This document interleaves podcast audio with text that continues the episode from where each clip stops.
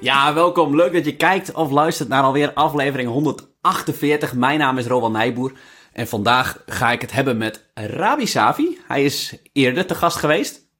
Uh, bekend van De Belegger. Volg hem uh, zeker op Instagram. En uh, ja, hij was eerder te gast, dus we hebben het over twee tech-aandelen gehad. Heel gefocust op bedrijven. Maar nu gaan we het hebben over macro bangmakerij of de macro-economische perikelen. Iets wat beleggers ontzettend veel bezighoudt, uh, merk ik. Het kruipt toch in de hoofden, alle aandacht gaat er naartoe. Rabi, welkom. En uh, eigenlijk mijn eerste vraag is, ja, we horen mooie vogeltjes op de achtergrond. Je zit, uh, je zit in Costa Rica, vertelde je voor de tijd. Dus ik hoop dat de mensen daar een beetje van kunnen genieten en een heel relaxed gevoel kunnen krijgen. Want dat is ook een beetje de beurs, hè? dat je een beetje relaxed blijft in deze moeilijke tijden misschien voor beleggers. Ja, zeker weten. Kijk, als je in, in, in een uh, staat van totale paniek en chaos zit, uh, dan is het een beetje lastig uh, beleggen. Maar als je vogels om je heen hoort, dan is het denk ik iets, iets makkelijker om wat rationelere en slimmere beslissingen, beslissingen te nemen. Zeker. Um, maar gaaf om weer te zijn. Ik, we hebben het inderdaad vorige keer over Salesforce gehad, vooral denk ik heel lang. wat hebben we nog meer besproken? Wat andere aandeel? Spotify. Spotify toch? Ja. ja. Ja. ja. ja. Uh, dat was leuk. Dat was leuk. En we kunnen het ook zeker altijd over individuele aandelen hebben. Uh, ik heb het vaak over de macro- en de microzaken. Want uh, ik denk dat ze beide belangrijk zijn. Het een belangrijker dan het ander. En dan heb ik vooral echt het microgedeelte wat veel belangrijker is. Maar macro houdt toch heel veel, ja, vooral grote media bezig. En als het grote media bezig houdt, dan houdt het ook beleggers bezig. Want vaak volgen mensen de, de headlines. En dus als er weer een rentebeslissing uh, aankomt of als er weer hoge inflatie is, uh, als de financiële markten weer even uh, in het nieuws komen, dat, dat volgen mensen graag. Weet je? Um, en vaak zie je ook dat de enige momenten in de, in, in, in, in de leven van de meeste mensen, dat ze met de financiële markten in aanraking komen, dat is als ze of een huis kopen of als ze weer eens op het nieuws iets over inflatie of iets dergelijks horen, wat toch best wel veel, ja, heel niet-zeggend is voor heel veel mensen als ze dat zo op het nieuws zien. Dus Hartstikke gaaf. Um, waar, waar zullen we mee beginnen? ja, hartstikke gaaf in ieder geval dat we er zijn.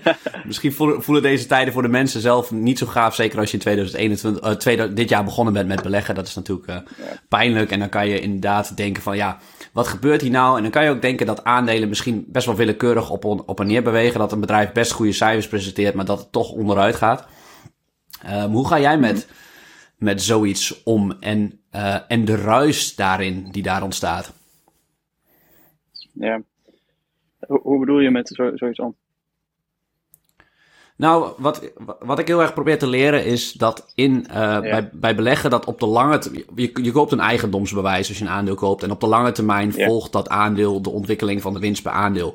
Maar als je er op dit moment middenin zit, dan denk je dat dat op geen, geen enkele manier gebeurt. En dat aandelen gewoon willekeurig op, op en neer bewegen. Ja.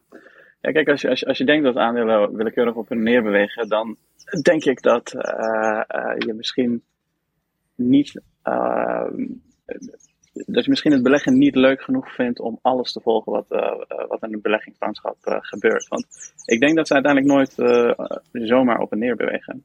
ik denk dat er altijd twee verschillende dingen zijn die ze op en neer bewegen. Dat is één, wat er op macro-economie gebeurt.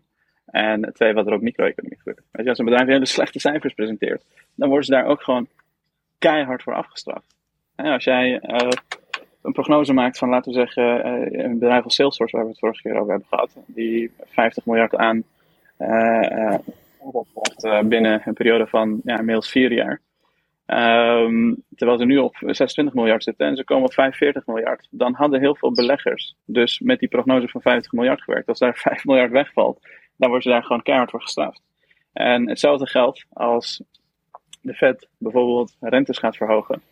Uh, dan heeft dat gewoon een effect op het sentiment. En als je dat niet volgt, ja, dan denk je ook inderdaad dat het allemaal random en, en, en, en vervelend is. Uh, dus je moet ook het beleggen leuk genoeg vinden om al die verschillende nieuwsdingetjes uh, te willen volgen, of de tijd ervoor hebben om het te willen volgen. Of um, ervan uitgaan dat, uh, dat op, op de lange termijn allemaal goed komt. Weet je, ik, ik volg die dingen gewoon, vooral omdat ik ze gewoon hartstikke gaaf en leuk vind om, uh, om te volgen. Um, maar, weet je, kijk, als, als mensen gaan beleggen, denken heel veel mensen, en dat denkt, dat, dat, dat, dat denkt denk ik heel Nederland een beetje, dat beleggen hetzelfde is als niks doen. En dat, dat, dat niks doen, het is wel zo, maar dat niks doen is niet zo makkelijk. Weet je wel? Het is niet makkelijk om niks te doen. Als een, het is hartstikke moeilijk. Vooral mentaal is het gewoon heel zwaar voor beleggers, zeker nieuwe beleggers, om, um, om, om niks te doen terwijl hun, uh, een, een, aandeel die ze hebben gekocht 20, 30 procent onder water staat. Weet je? Dat, is, dat is hartstikke moeilijk. Uh, je neemt best wel een groot risico met een vermogen of een kapitaal die je, waar je gewoon heel hard, heel lang voor gewerkt hebt, ook heel veel belasting over betaald om tot die vermogen te komen. Um, dus ik, ik kan me de druk wel voorstellen. Alleen, uh, als je echt met dit beleg bezig bent, ten eerste begrijp je waar dat vandaan komt, uh, die dalingen. Ten tweede, als je horizon echt lang genoeg is, hè, dus dan hebben we het over de komende 5 à 10, misschien ik, ik bedoel, ik ben zelf 31 geworden uh, inmiddels. Um, ik ga op zijn minst mijn hele leven lang door, maar laten we zeggen, mijn horizon is 20 jaar. Tot mijn 50ste. dan ben ik nog redelijk jong, zou ik zeggen. Um, als mijn horizon tot mijn 50 is, dan zou het mij echt absoluut niet moeten uitmaken wat een bedrijf de komende zes maanden, komende een jaar, komende twee jaar, komende drie jaar zelfs doet. Weet je wel? Het zou wel fijn zijn om al die cijfers perfect te volgen en zien dat ze daadwerkelijk ook de resultaten halen die ze, die ze, die ze behalen uh, of die ze beloven. Um, maar het zou niet moeten uitmaken wat er op de korte termijn uh, gebeurt. Ik denk dat er een aantal momenten zijn waarin het veel uitmaakt. Dus één, als je uh, als je heel veel risico hebt genomen. Hè? Dus als je meer risico hebt genomen dan dat je, uh, dan, dan dat je aan kan. Um, laten we zeggen, je hebt meer geld geïnvesteerd dan, dan je zou moeten. ik heb wel eens mensen gehad in mijn DM die zeggen: joh, ik heb al mijn spaargeld in, in Bitcoin gestopt, bij wijze van spreken. En die staat nu van 60k staat die op 20k. Weet je wel? Ja. Ehm, dan heb je gewoon heel veel risico genomen. Want al je spaargeld, nou, niet alles, maar een heel groot gedeelte van je spaargeld, als je dat nu omzet in euro's of dollars, dan is dat gewoon weg.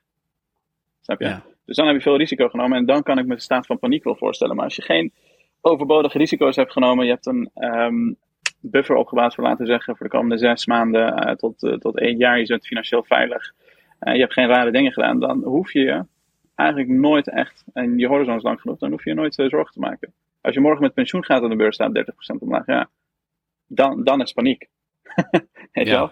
Maar Ja. als lange termijn belegger die gewoon zijn zaken op orde heeft, eh, financieel goed en lekker veilig in elkaar zit en niet grote risico's heeft genomen, ja, dan hoef je je eigenlijk op de lange termijn totaal geen zorgen te maken.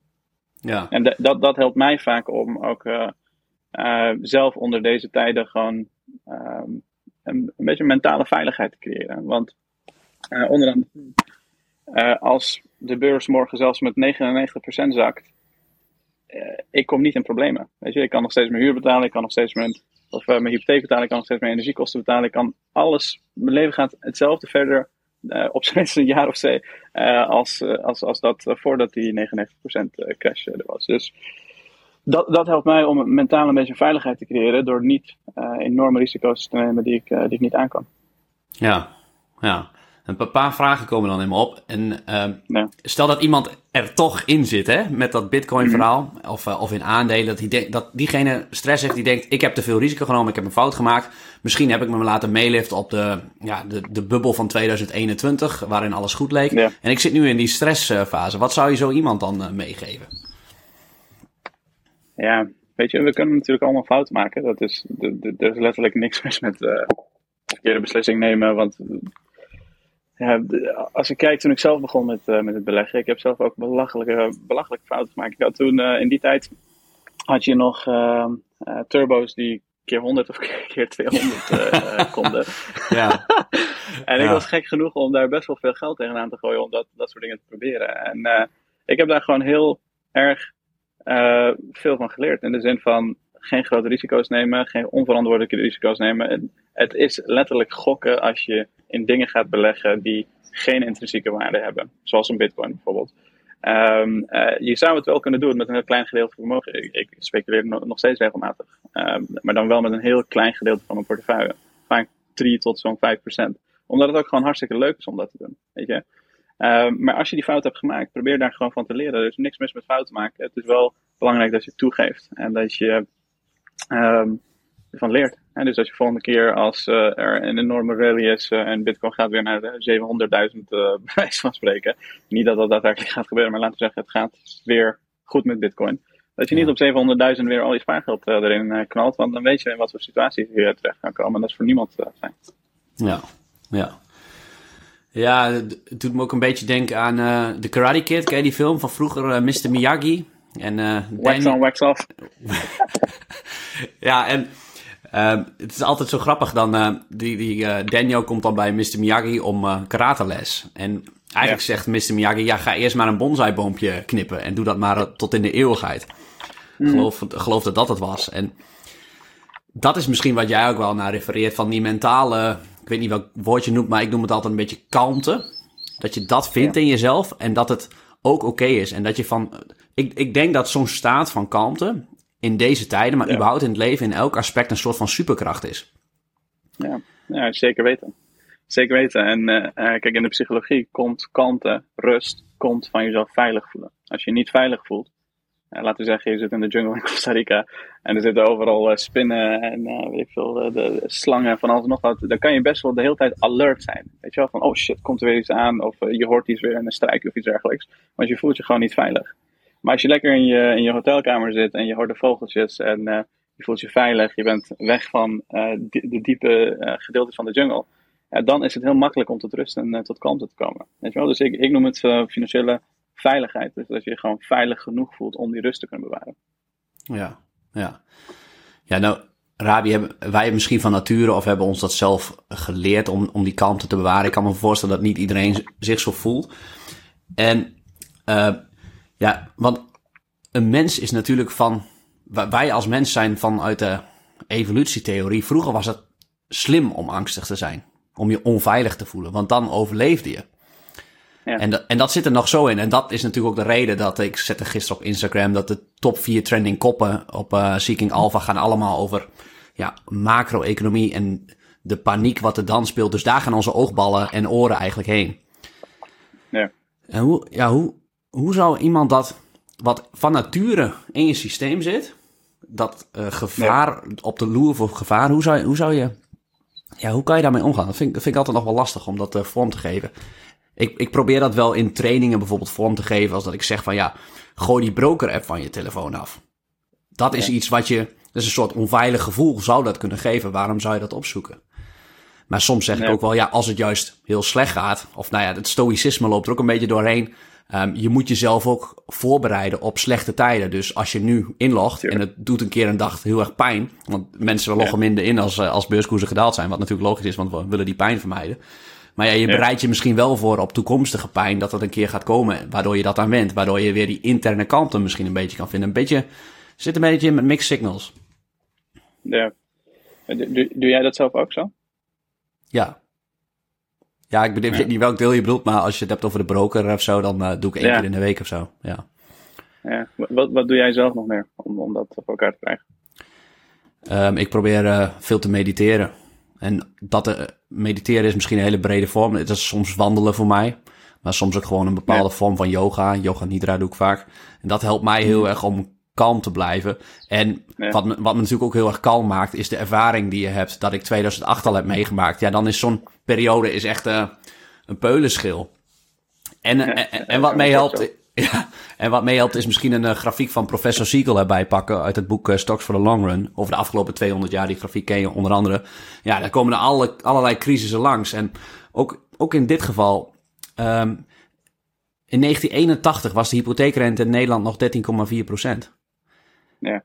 Inflatie, toen is het woord stagflatie ook uitgevonden. Toen stond er op de Business Week stond de kop van uh, dood van aandelen. Alleen dan in het Engels natuurlijk. Ja. En, uh, maar als je toen gewoon had gekocht, ja, had je 12%, een indexfonds had je 12% per jaar gehad. En ja, ja dat, dat, soort, dat historische perspectief, dat uitzoomen, dat helpt me ook heel erg.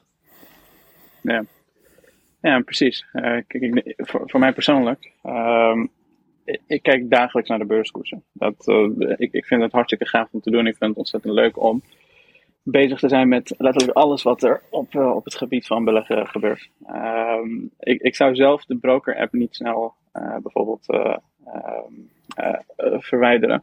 Want ik vind het gewoon te leuk. Ik vind het gewoon hartstikke gaaf om te zien wat bijvoorbeeld als, de, als er een Fed-meeting is geweest, wat, er, wat er dan met de beurskoersen gebeurt. Ik weet niet of je het gisteren zag, maar die, de Nasdaq ging echt letterlijk plus 4%, of nee, mijn portefeuille ging plus 4%, maar de Nasdaq die ging plus 2%, min 1,5% en, en ga zo maar door. Weet je, dat is best wel gaaf om te zien hoe hysterisch beleggers eigenlijk zijn.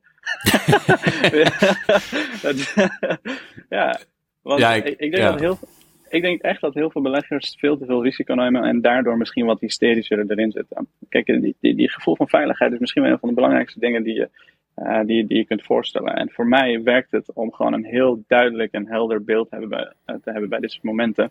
Van wat, wat heb ik in mijn controle? Onder mijn controle en wat heb ik niet onder mijn controle? Ja. Om, om, om, om, idee te geven, als, je, als iets niet onder je controle is, laten we zeggen een beslissing van de Fed of een oorlog dat ergens in het oosten gebeurt. Dat zijn dingen waar jij letterlijk niks aan kan doen. Als je er niks aan kan doen, dan is het eng. Hè, dus dan lijkt het van, oh shit, ik moest maar nu gewoon maar even wachten totdat dit allemaal voorbij is. Ik, ik laat het allemaal over me heen komen. Weet je wel, dat is eng. Dat vinden mensen hartstikke eng. En die onzekerheid die dat met zich meebrengt, daar kan je oneindig over speculeren. En dat is wat ook de media bijvoorbeeld en dergelijke doet. En ik vind dat ook hartstikke gaaf om te doen. Een beetje meespeculeren op ja, wat zou er eventueel kunnen gebeuren. Weet je? Eh, en dan kijken of je later gelijk had of niet. maar ik handel er niet naar. En het is niet zo dat als de beurskoersen omlaag gaan, dat ik dan zit van, oh shit, jeetje, wat, wat vervelend en zo. Weet je? Ehm, en dat komt omdat ik die veiligheid voor mezelf heb gecreëerd. Als letterlijk de, die, die, financiële markt morgen 99% zakt en ik geen cent of euro meer over heb, dan verandert er letterlijk niks aan mijn leven wat, wat er tot nu toe allemaal gebeurd is. Weet je wel? Eh, als je een goede buffer hebt opgebouwd, als je eh, een redelijke cashpositie hebt, niet eh, een cashpositie die je belegt, maar een cashpositie gewoon voor jezelf. Hè? Dus als je gewoon je leven, laten we zeggen, een jaar lang ehm, eh, eh, kan door blijven leiden. Ehm, dan wordt het een heel lastig verhaal. Want als, als, als die markt 99% zakt, dan, zit je, dan ben je totaal niet veilig. Dan heb je geen euro meer in je zakken, laten zeggen, als je al je spaargeld eh, erin hebt eh, gestopt. En dan, dan, dan, dan, word je gewoon bang. Weet je? En dat, dat probeer ik ook eh, heel veel mensen op mijn Instagram mee te geven. Van creëer die financiële veiligheid voor jezelf. Als je dat niet hebt, dan zal elk stukje nieuws tien keer erger aanvoelen.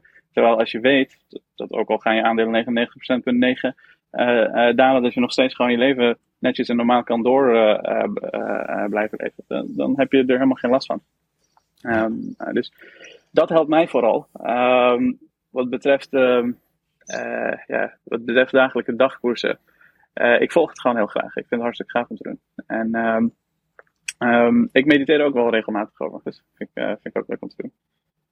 Ehm, maar niet, niet om de beurs. Eh, dat is eh, vooral een beetje meer dicht bij jezelf te komen. Want je kan soms gewoon heel veel dingen kunnen er, kun je op een dag bezighouden. Niet alleen de beurs, maar ook wat er allemaal in je leven gebeurt. En met je familie en met je ondernemingen, van alles en nog wat, weet je wel. En het is toch even leuk om weer tot, ja, tot, tot de essentie te komen van... Ik ben een mens en ik ben hier en ik ben in het nu. Ehm, en al die dingen die eromheen gaan, dat zijn verantwoordelijkheden die ik gewoon moet gaan nemen. Maar dat kan ik ook even loslaten, weet je wel. Dat, dat vind ik het leuk aan mediteren. Ja. In het nu. Ja, ik snap het. ja. En dat geeft kalmte ook. Een interne vrede. ehm, ja, en ik denk wat je ook zei, hè, dat je bijvoorbeeld in de wetenschap duikt. Hè, dat je, eh jij hebt vanuit ervaring bijvoorbeeld de, de, de, de 2008 eh, financiële crisis meegemaakt. Ehm, je hebt, volgens mij had je SNS-bank in die tijd eh, zien dalen, toch? Dat was je even aandeel of niet? Ja. Verstijf, verstijf van angst en stress. Ik vond het verschrikkelijk. Dat kan ik me voorstellen, ja. Ja. ja. Ehm, maar weet je, als je gewoon heel veel weet over de geschiedenis van de beurs, als je ziet dat de beurs zo ontiegelijk lang bestaat en als je ziet dat eh, er honderden crisissen zijn geweest. En De, de media noemt alles een crisis. Weet je, de, de- er hoeft maar een schoen ergens neer te vallen en we hebben een schoenencrisis, bij, bij wijze van spreken. Ehm, dat is ook een businessmodel natuurlijk van de media. Ehm, maar eh, het is ook een, gedeel, een, een van de redenen waarom ik zelf bijvoorbeeld minder met YouTube ben eh, gaan doen. Omdat je altijd maar met sensationeel onzin moet komen op YouTube om, ehm, eh, om, om kliks en dat soort dingen te, te, genereren. Snap je? Eh, maar de media die, die, die, die vindt het hartstikke gaaf om alles een crisis te noemen. Eh, maar meestal valt het allemaal wel mee. Je, de, de, de belangen zijn te groot om het kapitalisme te laten falen, laten we zeggen. Ehm, en het systeem eh, zit best wel goed onderaan de streep aan elkaar. Ik bedoel, als je kijkt naar bijvoorbeeld een land als Iran, waar de islamistische staat eh, het, het, land op een gegeven moment eh, overnam. Ze hebben niks veranderd aan het systeem van, van, van, van Iran. Als je kijkt naar alle andere landen ter wereld, ik was laatst in Mexico of in Costa Rica, waar je ook zit. Het systeem, dat wordt over het algemeen nooit aangepast, omdat het gewoon een van de betere systemen is die je, die, die je kunt voorstellen uh, in de wereld. Weet wel? En als je dat begrijpt, als je begrijpt dat het systeem gewoon doorgaat en dat de beste bedrijven daarin altijd zullen overleven omdat ze de beste producten hebben en dat klanten die, die producten hartstikke waardevol en gaaf vinden en daar ook echt daadwerkelijk aan hebben en dus dat ze ook uh, de wereld daarmee veranderen en iets van serieuze waarde maken en daar ook een goede uh, netto winstmarge op pakken en daarmee dus ook beleggers kunnen belonen. als je dat begrijpt, dan hoef je over het algemeen niet, uh, geen, geen paniek aan te praten. Maar er zijn wel heel veel mensen, vooral de media, maar ook heel veel mensen in de wereld, en zeker in Nederland tegenwoordig, die mensen paniek aanpraten. En ik, eh, dat, dat, kan ik me niet, uh, dat kan ik niet bevatten. Nee, nee daar, deel, deel je nog wel eens wat over op Instagram. Dus, ja. En, ja, dat, want dat is eigenlijk. Uh, ik ben, want ik ben het op dat gebied met je eens. Ik, uh, ik, ik, noem, ik noem zelf nooit namen, maar ik, uh, ik, noem, ik scheer ze dan over één kam als groep. maar als kritiek. Willem Middelkoop bijvoorbeeld. nou, weet je, ik, ik, vind, ik heb geen moeite met namen noemen als ik het gevoel heb dat iemand zulke belachelijke dingen roept dat ze die aandacht over zichzelf heen uitroepen. He, dus dan moeten ze ook de verantwoordelijkheid dragen om tegengeluid te kunnen horen, vind ik. Ja, ja. Ja, ik snap het wel. Ik worstel er ook wel mee, want je wil slechte dingen natuurlijk wel als, uh, als we, we, hebben een voorbeeldfunctie. We willen wel slechte dingen aan de kaak stellen. Uh, maar als, als het niet hoeft, dan, uh, dan geef ik geen namen. Um, maar, maar het, het, punt waar het over gaat. En um, ja, ik had dus bijvoorbeeld ook in mijn studietijd een lezing van een bekende goudgoeroe in Nederland. en en um, ja, ik, ik was gefascineerd door het verhaal. Ehm, de val van de dollar. Drie, boek, drie boeken van gelezen. En ja, ik dacht echt, ik ga, ik ga dit pad ook volgen. Dit is, dit is volgens mij wat er gaat gebeuren met de wereld. En alles klopte met prachtige grafieken en zo. Alle ja. macro-economisch had het zo, zo leek het solide in elkaar voor mijn naïeve geest van toen. Op de een of andere manier heb, heb ik toen geen uh, goud gekocht of goudmijnbedrijven. Dat was toen het plan, dat moest je echt doen. Ja. Ja, ik, stel je voor dat ik dat gedaan had in die tijd. Mijn hele track record, er was niks van over. Ik had gewoon, ja, ja dat was, was, had ik gewoon evenveel, uh, waarschijnlijk evenveel gehad. Waarschijnlijk verlies zelfs. Ja, ja. Als je de, de fonds van die uh, Guru had gekocht, dan had je waarschijnlijk zo'n min 17% uh, gestaan na zoveel jaar. Ja. Sinds de oprichting van die fonds. Ja, ja. Terwijl de S&P zo'n 300% volgens mij gestegen is sinds, sinds die tijd. Ja. En hoe kunnen we dat uitbannen, dat uh, paniekzaaierij? Dat, dat als wij nou met z'n tweeën een plan maken, we willen uh, Nederlanders helpen financieel op een gezonde manier bezig te zijn en niet uh, te veel naar je angst te luisteren. Want dat verkoopt natuurlijk, dat, en dat, dat weten ze. Hoe kunnen, ja, hoe, hoe, kunnen we dat verkoopt, hoe, hoe, kunnen we dat dan aanpakken? Of, zijn we, of ben ik hierin heel arrogant dat het gewoon niet, niet zo is dat mensen gewoon de les zelf te leren hebben? Um, ik, ik denk dat dat, ja, ik denk dat dit uh, sowieso natuurlijk onderaan de streep, maakt niet uit welke belegging je doet en wat je doet, is natuurlijk onderaan de streep altijd je eigen verantwoordelijkheid. Het is niet zo dat ik zeg dat uh, middelkopen uh, mensen oplicht of iets dergelijks. Het is alleen wel zo dat mensen ongeïnformeerd in staat van angst en paniek beslissingen nemen. en dat weet hij donders goed dat hij dat mensen aanpraat. Um, beslissingen nemen die op de lange termijn niet bevorderend zijn voor het opbouwen van een vermogen. Weet je? En um, je kan met een, uh, laten, laten we zeggen, een, een, een, een, een, hoe zou je het noemen? Ja, laten we zeggen, een gematigd toon kan je heel moeilijk heel veel aandacht uh, krijgen voor uh, iets heel saais. Hè? Ja. Eigenlijk wat wij, waar wij het vaak over hebben, het lange termijn beleggen, is iets heel saais. Het is hartstikke spannend om elke dag te gaan handelen of de, de, de, de, de volgende crisis te gaan voorspellen en van alles en nog wat, weet je. Dat, dat, dat is hartstikke leuk om te doen. Maar een gematigd uh, verhaal is, is gewoon heel saai. Um, dus wat we zouden kunnen doen, ik denk, um, ik denk dat we al heel veel doen. Hè? Ik denk dat we proberen heel veel te vertellen over uh, de, de wetenschap achter het beleggen. Ik denk dat we heel veel kennis delen om te zorgen dat mensen toch de betere beslissingen nemen en rendementen kunnen vergelijken. Dat ze bewuster zijn van de kosten die je bijvoorbeeld bij zo'n fonds maakt. Uh, ik geloof dat er dat je gemiddeld zo'n 3, 4, 5 procent van je, van je vermogen al kwijt bent, alleen al als je die fonds koopt. En dan uh, uh, ook nog eens 16 procent verlies leidt. Als je daar ook nog eens 13 procent inflatie overheen uh, rekent, dan ben je zo'n 30, 40 procent van je geld kwijt als je als, je, als je niet het juiste onderzoek hebt gedaan. Ehm, dus vooral gewoon het, het, de, de juiste informatie delen. Weet je. Um, maar of het lukt, uh, ik, ik, ik, denk dat dit soort dingen zichzelf uiteindelijk uh, vanzelf filteren. Ik denk dat klanten over de loop van tijd heen zullen merken dat ze gewoon best wel hoge fees uh, betalen. En dat ze misschien in de staat van paniek toch een, een verliesleidend goudfonds hebben gekocht. Want ik ben er heilig van overtuigd dat de beurs op de lange termijn altijd stijgt. de, de beurs die volgt de winsten en de resultaten van bedrijven die zullen over de lange termijn heen altijd waarde creëren voor hun klanten. Um, en ik denk dat we in Europa en in Nederland uh, toch wel een beetje in de beginfase zitten van het kapitalisme en de verharding die in, in, in, in de VS al best wel lang is geïmplementeerd. Hè. als je kijkt naar de VS, ehm, volgens mij belegt zo'n 55% van alle Amerikanen die zitten, die, die, die zit die, die belegt zelf. Um, als je daar ook nog eens bijvoorbeeld pensioen uh, in meerekent, zij hebben dan niet een pensioen, maar voor, voor 1K. Uh, eh, dan een veel groter gedeelte, want die, dat doen ze via hun werkgevers namelijk. Um, in Europa is dat 15%. Weet je, dus dat is best wel een groot verschil. En hoe groter die markt wordt, hoe meer mensen zichzelf gaan informeren, hoe meer ze gaan leren en hoe meer dit soort dingen precies onder dezelfde categorie gaan vallen als wat ze, waar ze in de VS vallen. Namelijk, ze worden goldbugs genoemd. Goldbugs zijn mensen die het idee hebben dat de wereld op een gegeven moment uh, in elkaar valt. Dat je onder je bed een heel groot stuk goudstapels met uh, een wapen naast je bed, zodat niemand het van je kan afpakken, moet zitten. En dat currencies, oftewel valuta, dat dat waardeloos is. Dat is, dat, is. dat is letterlijk het verkoopverhaal wat je keer op keer op keer op keer hoort als je naar dit soort mensen luistert over lange termijn. En het is een verkoopverhaal, terwijl mensen denken dat ze iets daar leren.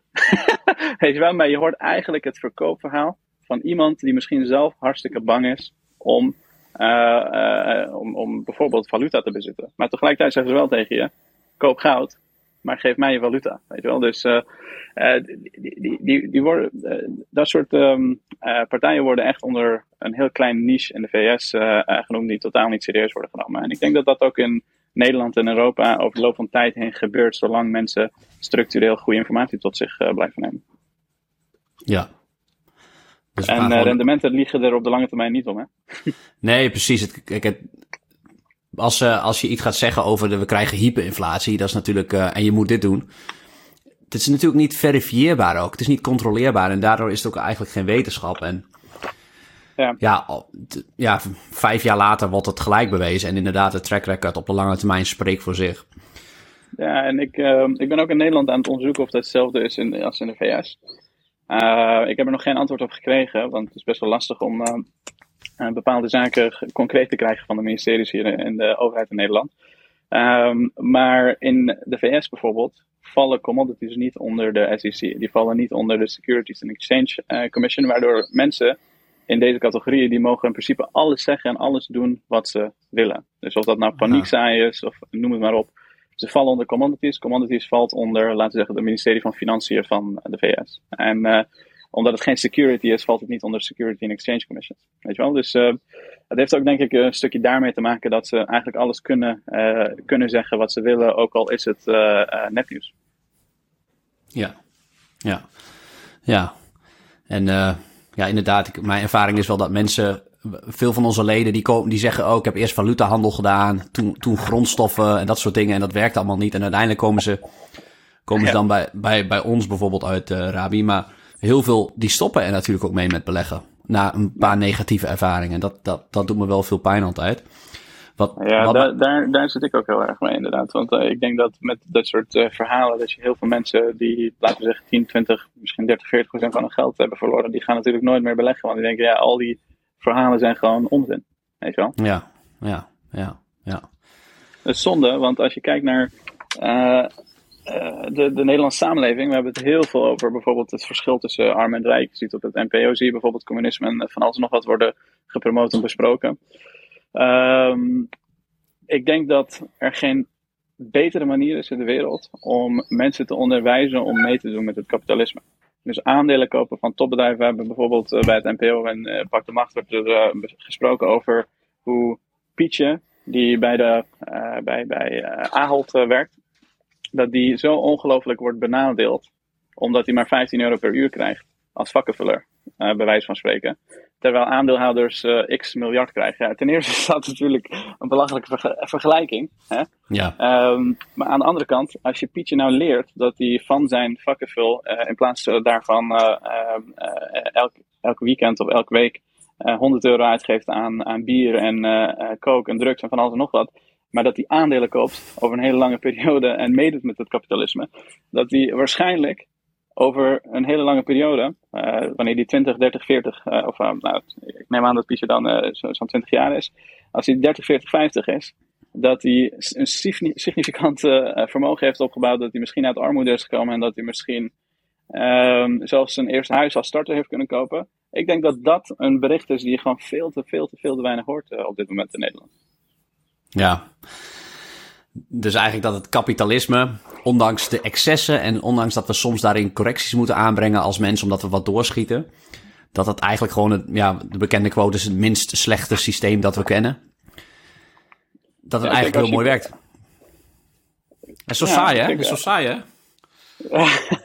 Ja, het is, het is saai, maar kijk, het, kapitalisme werkt niet van zichzelf. Het, het kapitalisme werkt alleen als je uh, het, uh, als, als er controle over is. Dus als mensen en bedrijven hun verantwoordelijkheid nemen. Dus laten we zeggen, een Ahold, als die ziet dat ze uh, de, de, de, de prijzen met 700.000% kunnen laten stijgen als ze dat willen voor brood, weet je wel. als die dat ook daadwerkelijk doen, dan zijn we heel ver van huis. Maar als ze zien dat ze dat met, laten we zeggen, 3% kunnen laten stijgen, omdat dat geoorloofd is. En dus nemen ze verantwoordelijkheid en ook de samenleving en dat soort dingen met zich meebrengen. Als we, daar, als we ze daarvoor verantwoordelijk houden, en dat gebeurt ook regelmatig. Daarom zijn dingen zoals ESG en van alles en nog wat um, uh, bedacht. Als ze verantwoordelijk kunnen houden, die bedrijven, dan kunnen ze hele mooie, goede dingen doen. Want als je kijkt naar dingen zoals Google, Facebook, dat soort producten en diensten, die zouden niet eens bestaan als het kapitalisme er niet was. Misschien zaten we nog in, in, in de tijden van Sovjet-Rusland of uh, alle communisme die je in andere, andere landen bijvoorbeeld uh, ziet, weet je wel. Um, dus kapitalisme is niet perfect, maar het is wel, als je het ongecontroleerd laat, kan het best wel tot excessen komen. En die, die excessen zijn ook nodig om de, de, de, laten we zeggen, de, de, de bad players eruit te filteren. Ja, ja. Ja, we denken als mensen dat het natuurlijk steeds slechter gaat met de wereld. Wij hebben vaak in, uh, in de eerdere aflevering van deze podcast hebben we het wel eens gehad over dat boek van Rutger Bregman, De meeste mensen deugen. Of uh, je hebt van Hans, Hans Rosling, ken je vast wel, Factfulness, feitenkennis. Ja. hoeveel beter elke generatie het eigenlijk weer heeft op het gebied van veiligheid, rijkdom, gezondheid, uh, levenslengte. ja, ja. Het is, en, en toch, als je mensen dus vraagt, want dat is dat boek van Hans Rosling, die vraagt dan als studenten ja, denk je dat het uh, beter of slechter gaat dan een tijd geleden? En dan veel veel denken dat het slechter gaat. Ja, nou, dat komt omdat als, je als je enkel het nieuws leest de hele dag, dan word je gewoon gek. Want er zit alleen maar slechte, slecht nieuws uh, wordt er gedeeld. Bijvoorbeeld, om je een, een, voorbeeld te geven.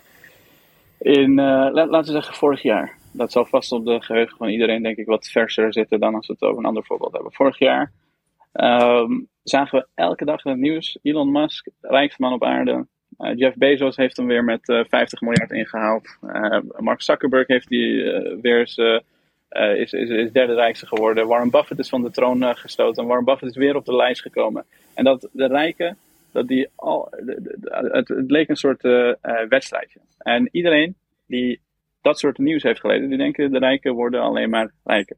Maar dit jaar, de beurs klapt in elkaar. Mark Zuckerberg, Zuckerberg wordt 50% armer. Uh, Tesla verliest uh, een gedeelte over, Elon Musk verliest een gedeelte van zijn vermogen, Bezos verliest uh, 30, 40 procent van zijn vermogen.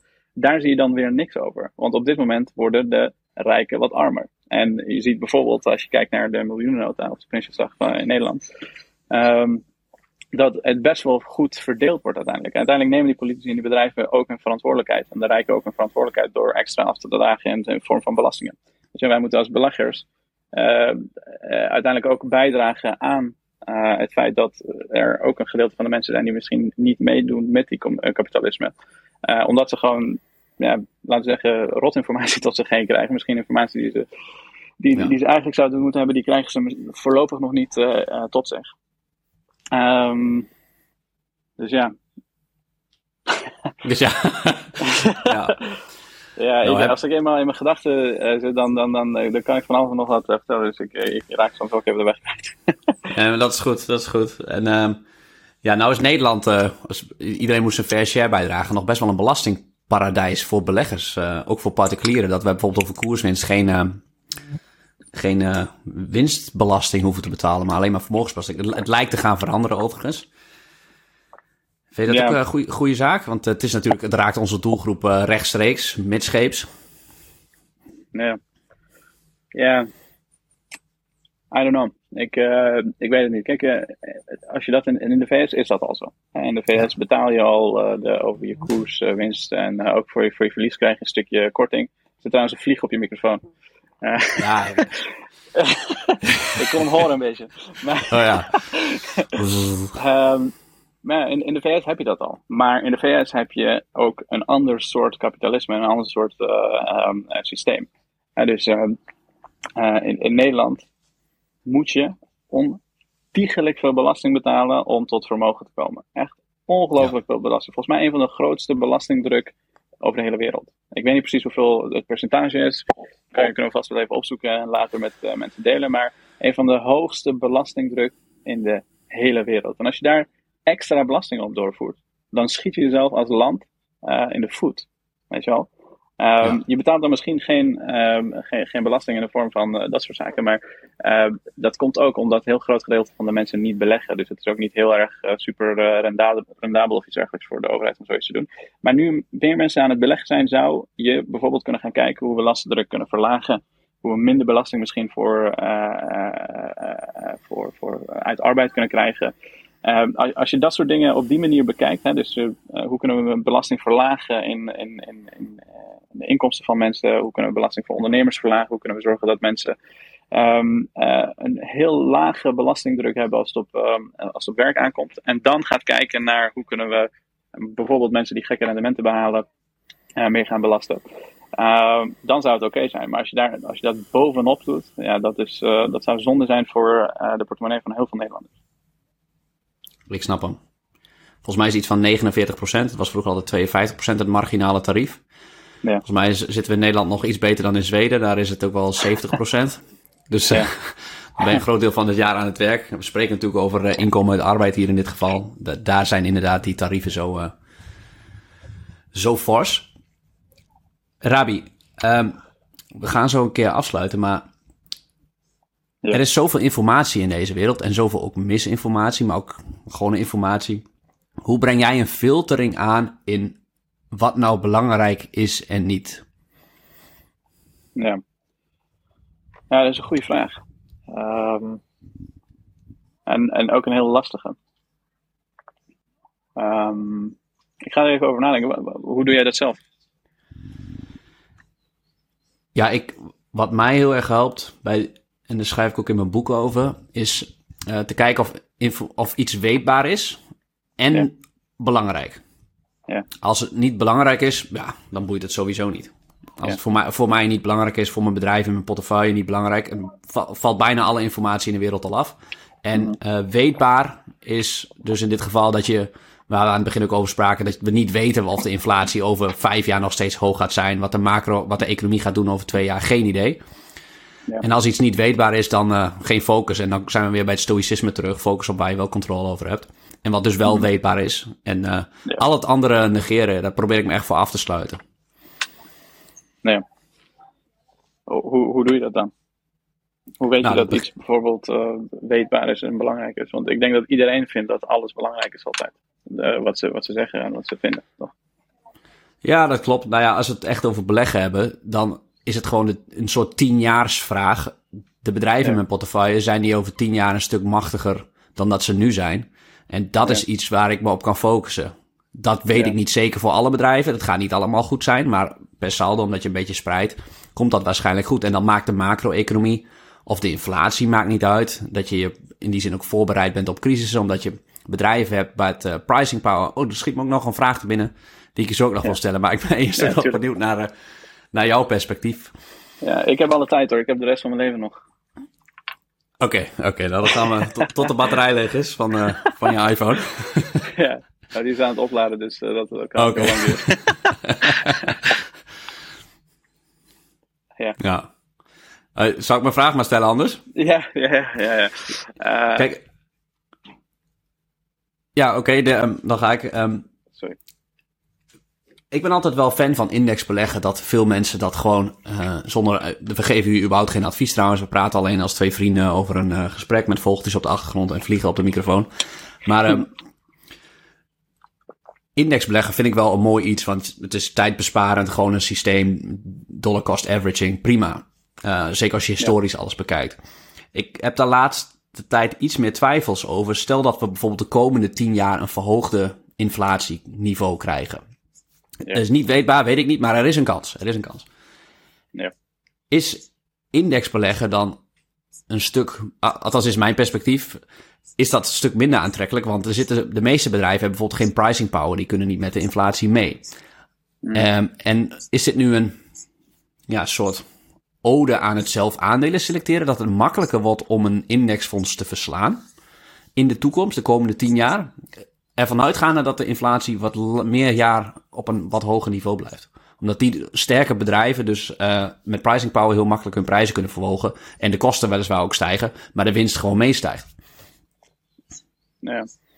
Ik denk dat indexbeleggen altijd slim is. Ik, ik doe het zelf ook. Ik heb een gedeelte van mijn geld gewoon in indexfondsen zitten. En de, daar kijk ik letterlijk nooit aan. Daar deel ik ook niks over, want het is gewoon saai. Je, het is gewoon, het is gewoon wat het is. Um, ik, ik, denk, kijk, als je kijkt naar de cijfers, naar de data, dan zie je dat uh, binnen de S&P, uh, ik weet niet meer wat het exacte gedeelte was, maar de top x percentage bedrijven was niet zo heel groot. Was, volgens mij, als je alleen al naar de big, big tech bijvoorbeeld keek, um, dat die over het algemeen zorgen voor de grootste stijgingen in, in zo'n index. He, dus als je, ook als je kijkt naar bijvoorbeeld nu in de, de financiële markten als uh, al geheel. Ik heb bijvoorbeeld uh, de, de drie Northern Trust ETF's die samen een wereldindex volgen, zowel de small cap, emerging markets als de wereldindex.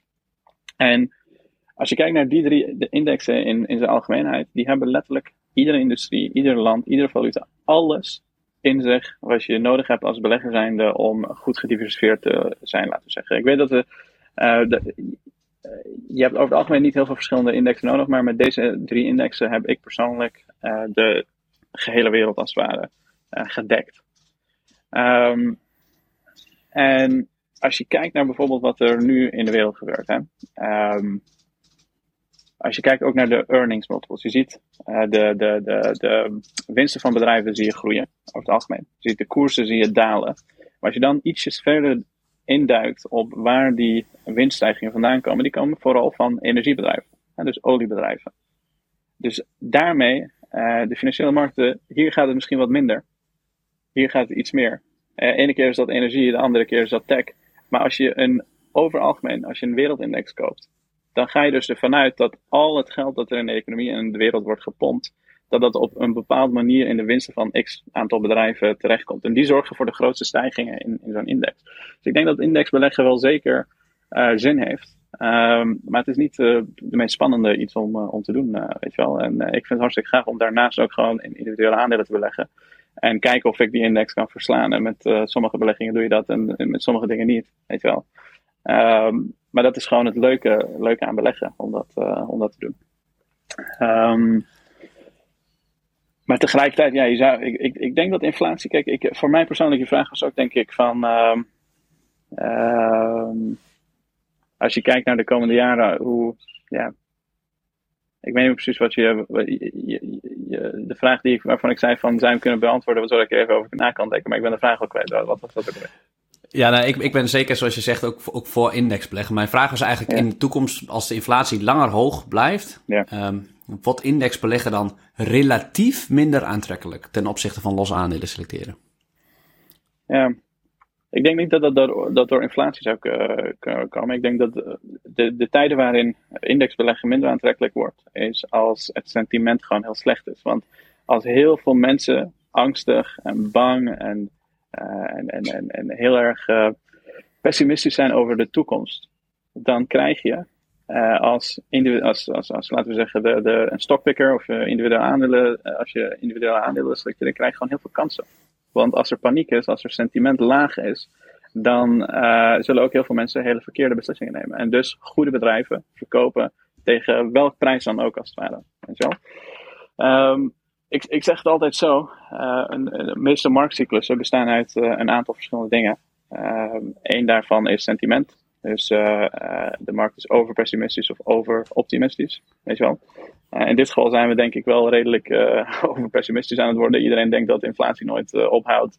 Uh, omdat je ook gewoon niet ver kan kijken over de, met dat soort dingen. Iedereen denkt dat de oorlog in de Oekraïne nog uh, tig jaar gaat duren. Um, dus we zijn best wel pessimistisch op dit moment. Als je kijkt naar een jaar geleden, waren we misschien te optimistisch. Weet je, dus uh, uit die twee dingen bestaan sentiment. Um, en ook een stukje van de vet, hè, dus te veel of te weinig geld in de economie. Nu is er gewoon te weinig geld in de economie. Rentes gaan hoger, er wordt minder geld in de economie gepompt als het ware. Um, en een tijd geleden was dat andersom. Rentes waren mega laag, een van de laagste momenten dat, dat je je kunt voorstellen. Um, en er werd gewoon heel veel in de economie gepompt omdat we met uh, de COVID-pandemie te dealen hadden. Weet je? Dus als je naar dat soort dingen kijkt, dat zijn de momenten als sentiment uh, heel slecht is. en heel weinig geld in de economie is. Dus als jij geen cash hebt nu, ja, dan kan je ook niet de fantastische bedrijven kopen die nu te, in, de, in de korting zitten. Weet je wel? Um, maar ik denk dat het niet dus direct met inflatie te maken heeft, maar als gewoon het sentiment heel slecht is. Als heel veel mensen pessimistisch zijn, hun aandelen van de hand willen doen en denken van, ja, ik heb het gezien hiermee, inflatie gaat nog super lang duren, enzovoorts, enzovoorts. Dat zijn de momenten dat er gewoon heel veel kansen komen. Een bedrijf als Salesforce is nu bijvoorbeeld, naar mijn mening, echt een belachelijk koopje geworden. En zoals je zegt, geen financieel advies, want je, je, moet zelf even je eigen onderzoek doen als je dat vindt of niet. Mijn persoonlijke mening is, het bedrijf als Salesforce is nu een koopje geworden. Als je kijkt naar elk metric, als we kijken naar de, bijvoorbeeld de price-to-sales ratio. Weet je, een van de laagste op dit moment.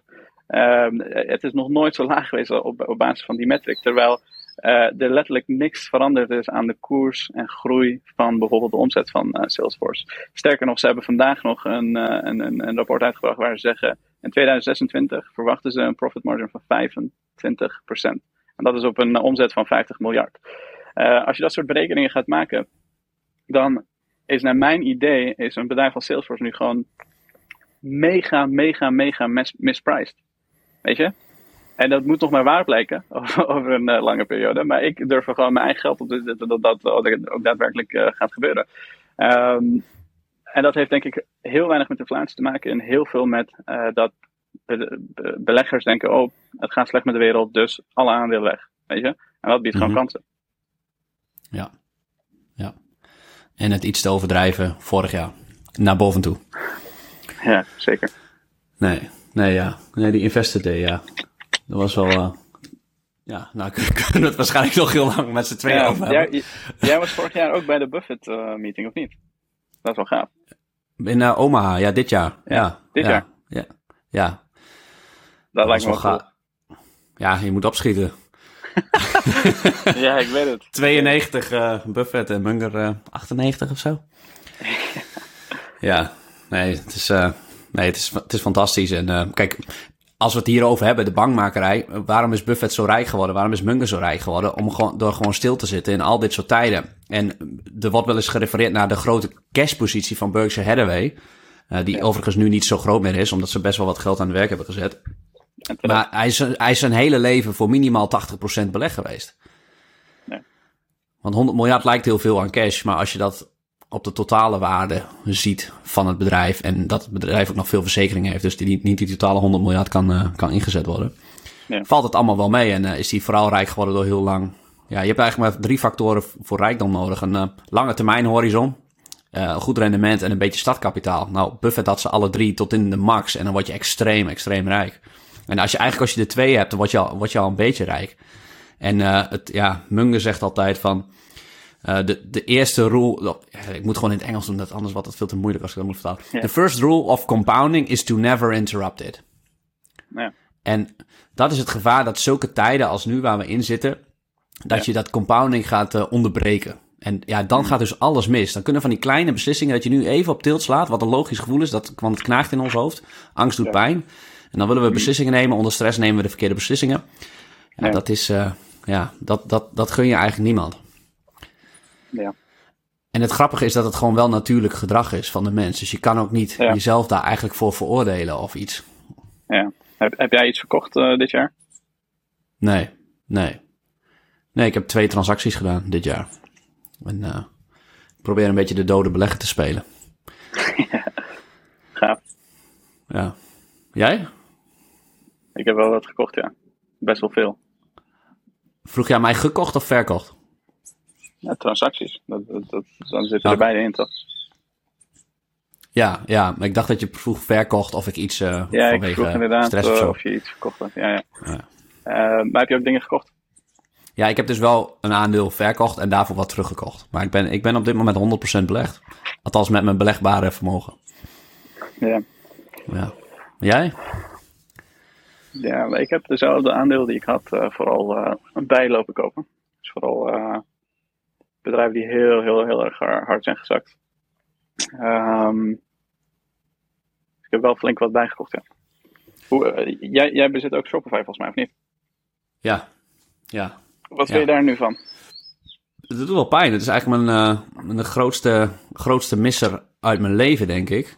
in ieder geval in euro's. Ik weet niet, ja, ook in percentage, denk ik. Althans, ik, ja. schrijf, ik reflecteer ook uitgebreid in mijn boek over om, om, het, ja. om, uh, om, het, om, het van, om, om, het van me af te schrijven, maar vooral dan om, om zo'n fout uh, te internaliseren. Ja. En, ja, ik, heb je het gevoel ik, dat je ik, met Shopify een fout hebt gemaakt? een deel wel. Ik heb wel een te hoge waardering betaald. Ja, dus Het, het, het, is vaak een, het is niet vaak zwart-wit, alles is fout, maar een deel van de daling is wel, een, is wel een fout geweest. Daar heb ik wel te veel betaald. En daar heb ik misschien Ja. wat dingen te, te rooskleurig gezien. En dat ik iets geleid ben als ik dieper ga gragen door een soort van ongeduld. Ja. Ehm, maar het is nog steeds kwaliteit. Het is nog steeds kwaliteit. Over tien jaar ben ik niet bang dat Shopify een stuk meer waard is dan nu. Ja. ja, ik heb hetzelfde. Ik denk dat Shop, ik bedoel, ik uh, sta er best wel flink uh, in de min mee. Volgens mij zo'n 56%. Maar kijk, ik denk fout gemaakt in de zin van hè, als je iets uh, bij een hoge waardering koopt en die daalt met, wat is het nu, 85%, wat best wel, best wel flink is. Um, Ja. Dan is het heel makkelijk om te kijken naar de koers en dan zeggen, oh, ik heb een fout gemaakt. Weet je wel? Want onderaan de streep, ik denk ik, als je een bedrijf hebt gekocht en je denkt dat ze op de meegelange termijn nog steeds op, op de juiste koers zitten, in de zin van uh, het koers van het bedrijf, kwalitatief gezien, uh, dan heb je denk ik niet echt, een, niet echt een fout gemaakt. Want als je kijkt de redenen waarom een Shopify naar beneden is gezakt, en dat zeg ik altijd als je uh, dingen die wel en niet onder je controle zijn. Weet je, als, als het een evenement is die alle uh, alle zeilen als het ware, uh, of, of, laten we zeggen een, een Engels term gebruiken, een wind die alle zeilen raakt. Hè? Dus uh, in het geval van Shopify is dat. En zelfs de CEO heeft trouwens een, een, een, een, een misstap gemaakt door gewoon ontzettend veel meer in het bedrijf te investeren, door heel veel personeel, aan te nemen dan, ja. dan, dan, dan gedacht. het idee was, wat heel veel mensen in die tijd dachten en wat denk ik nog steeds uh, uh, wel een beetje speelt, is dat we dat, dat online commerce, dat dat op die manier door zou blijven groeien op de lange termijn. Weet je?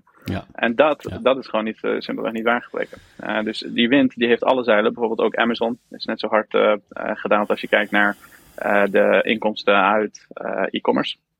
Um, is ook geloof ik zo'n 40, 50 procent bijna gezakt. En voor een bedrijf die 2 biljoen waard is, is dat ook een hele grote, groot gedeelte geweest. Um, maar ik denk dat mensen ook niet beseffen. Kijk, wij, hebben door COVID beseft dat tech een heel belangrijk iets is in, in de wereld. Het is super waardevol en we kunnen er eigenlijk niet zonder. Hè? Um, alleen het probleem is dat heel veel bedrijven en heel veel ook gewoon echt techbedrijven, die hebben niet de juiste infrastructuur om heel veel dingen ook heel snel voor elkaar te krijgen. En dus als je bijvoorbeeld iets via een Shopify bedrijf of via een Amazon bestelt, laten we zeggen of dat kleding is of, of, of, of wat anders. Um, die komt naar je toe, die moet je weer terugverzenden. En daar is gewoon een, infrastructuur voor nodig die dat binnen een dag of iets dergelijks kan regelen. Want anders ga je gewoon naar de winkel. Weet je wel? En ik denk dat we langzaamaan over de loop van tijd heen naar een wereld gaan waarin bijvoorbeeld een Shopify, doordat ze Deliver hebben uh, uh, opgekocht voor 2 miljard, dat ze het ook mogelijk maken, net als een Amazon, die dat in de VS vooral mogelijk maakt, niet in Europa nog, omdat ze ook hier bijvoorbeeld die infrastructuur moeten gaan opzetten. Um, dat als jij een product bestelt, dat het dezelfde dag nog in je huis is. Want dat is, dat is het gemak wat je als klant zijnde wil. Die is er gewoon nu op dit moment niet. Snap je? Dus dan gaat ook e-commerce niet, net als uh, wat veel veel mensen dachten, op die manier blijven doorgroeien. Terwijl als die infrastructuur er wel was, als mensen zagen in die tijd dat je iets kon bestellen en het was er diezelfde dag en je kon het dezelfde dag nog terug verzenden, ja, dan, heb je het, uh, dan heb je het over een heel andere tijd. En ik zie dat wel de komende tien jaar gaan gebeuren. En als dat gebeurt, dan denk ik dat bedrijven zoals Shopify, die uh, zijn een van de meest waardevolle assets dan in, uh, in die tijd. Wel. Um, dus ik, ik, ik heb niet het gevoel dat ik een fout heb gemaakt in het geval van Shopify. Maar de koers die speelt natuurlijk niet in je voordeel. En dus mensen kijken naar, oké, x aandeel gekocht, x bedrag naar beneden gegaan, dan heb ik een fout gemaakt. Weet je, um, ik, ik, ik denk, als je het op die manier bekijkt, heb jij het gevoel dat je dan een fout hebt gemaakt. Ja, ik wil me niet uit mijn fout laten praten. nee, nee, ik vind dat inderdaad een deel van die daling is, is een fout. En daar ben ik naar op zoek gegaan. Uh, maar heel veel andere aandelen staan dit jaar ook uh, lager in mijn portefeuille. En daarbij denk ik, ja, dat is ja, geen fout. Dat is gewoon aandelen staan lager. Ja, ja, ja. Ja, kijk, sterker nog, als je dit jaar in de plus zou staan, zou je, is, heb je per definitie waarschijnlijk de afgelopen tien jaar een slecht rendement gehad. Want dan zat je vooral in energieaandelen bijvoorbeeld.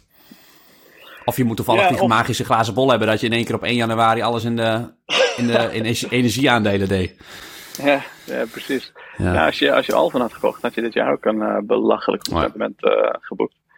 Eh, volgens mij is dat een van mijn grootste winnaars. En eentje die mijn portefeuille redelijk gered heeft op, op, op een bepaalde manier. Ehm, maar over het algemeen, ja, elk, elk aandeel, zeker elk tech-aandeel, elk bedrijf waarvan mensen het gevoel hebben dat ze, eh, dat, dat, dat ze rentegevoelig zijn, eh, die, die bedrijven zijn gewoon keihard gekelderd. Weet je? En daar, Ja. kan een Shopify niks aan doen. Daar kan jij niks aan doen. Daar kan niemand iets- iets aan doen. Weet je? Eh, als Shopify nou bijvoorbeeld ehm 20% daling in een, in een omzet zag. En eh, terwijl de hele e-commerce markt omhoog gaat. Ja, dan zou ik zeggen dat wat, wat, wat een fout heb ik hier gemaakt, jongen. Ik, ik echt een van de slechtste inschattingen geweest ooit. Weet je wel? terwijl als bedrijf gewoon lekker eh, zijn ding doet, eh, door blijft groeien, op koers zit, eh, verder sneller groeit dan de gemiddelde markt. Ehm, maar er zitten een aantal dingen, dingen tegen op macro-economisch niveau die, eh, waar je letterlijk niks aan kan doen. Dan denk ik, ja, weet je, laat maar varen. En dan zien we het over een tijdje wel. Ja, ja. Volgens mij was het Nick Sleep die dat zei, of het was Guy Spier. Eh, dat je bij je aandelen, en zoals met Shopify bijvoorbeeld, je wil een eh, eindstation of eh, in het Engels een destination analyse doen. Van wat, wat is er over 10 of 20 jaar met dit bedrijf? En ja, daar is natuurlijk niet zoveel in veranderd bij een Shopify. Daar is de afgelopen half jaar niet zoveel in veranderd. Niks. Nee. Ja, alleen ehm, eh, een, een tijd geleden had het natuurlijk wel een belachelijk hoge waardering. Dus in die zin heb ik denk ik ook wel een fout gemaakt. Ik heb wel op 1000 per aandeel toen, toen bijgekocht. Maar dat, ja, die, die sentiment op dat moment was ook gewoon, weet je, dat, er, dat inflatie wel mee zou vallen, dat, eh, dat het eh, tijdelijk zou zijn. En dat er, hadden in die tijd ook geen oorlog of iets dergelijks. En Shopify's omzet die zat op eh, zo'n 50, 60% groei of iets dergelijks. weet je, dus als je, als je ervan uitging in die tijd dat je dat door zou gaan, ehm, ja, daar- dan betaal je graag die waardering ervoor, weet je. Terwijl als je nu ernaar terugkijkt, denk je van ja, dat, dat, had best wel, dat was best wel fors. Ja, want, ja, inderdaad. Want op, we weten dat op korte termijn speelt het sentiment een rol. Op de middellange termijn doet de waardering. Maar op de lange termijn maakt de waardering natuurlijk weer geen zak uit. Of maakt het echt niet uit dat je nu... Er zijn van die onderzoeken van eh, dat, je, Ja. dat, je, dat je gerust een koerswinstverhouding van 80 voor Coca-Cola kon be- betalen in de, in de jaren 70. En dan hadden ze nog een eh, gemiddeld rendement gehaald. Ja. Dat soort, eh ja, als waardering je voor- de lange als je- termijn niet zoveel toe. ja, als je voor de grap eens een keer eh, dat soort dingen andersom gaat berekenen. En dus dat je nu bijvoorbeeld een PI van eh, eh, 19 voor Google betaalt. Maar wat als je als PI betaalt als je dat eh 10, 15 jaar geleden of zo bekeek?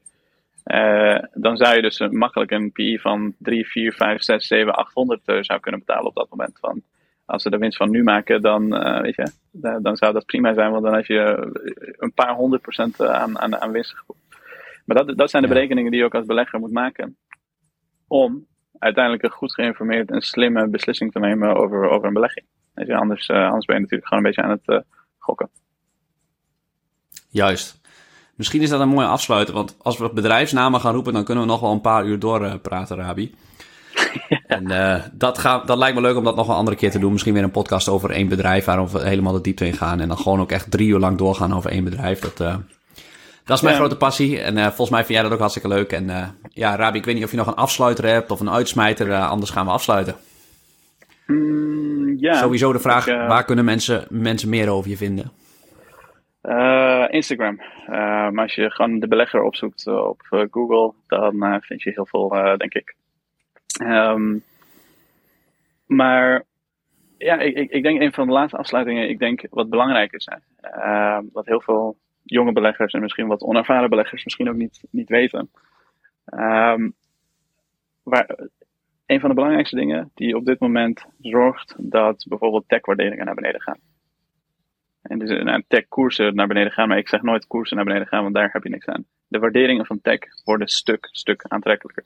Weet je, dat is wat er gebeurt als de koersen naar beneden gaan. Um, de grootste reden daarvoor is dat de rente die wordt verhoogd. En heel veel mensen worden op dit moment gewoon gemisinformeerd.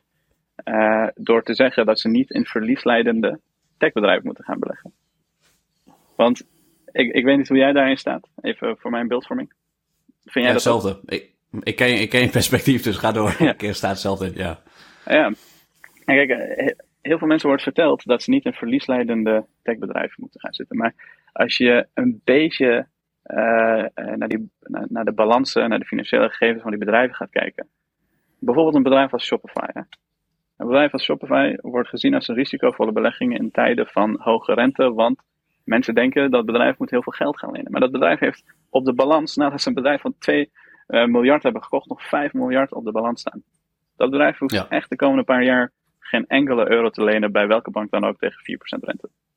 Terwijl een bedrijf als, uh, laten we zeggen, KLM of TUI, of welk reisaandeel die je ook maar kunt uh, benoemen, die hebben een jaar, twee jaar geleden belachelijk veel schulden aangegaan, omdat ze gewoon in die lockdown zaten. En die schulden die zijn zo torenhoog dat bij de volgende keer dat ze uh, die dingen moeten gaan herfinancieren, en de, rente is 4, 5%, dat je in die tijd waarschijnlijk, heel waarschijnlijk, um, heel veel defaults gaat zien en heel veel ondernemingen die misschien wel plat gaan.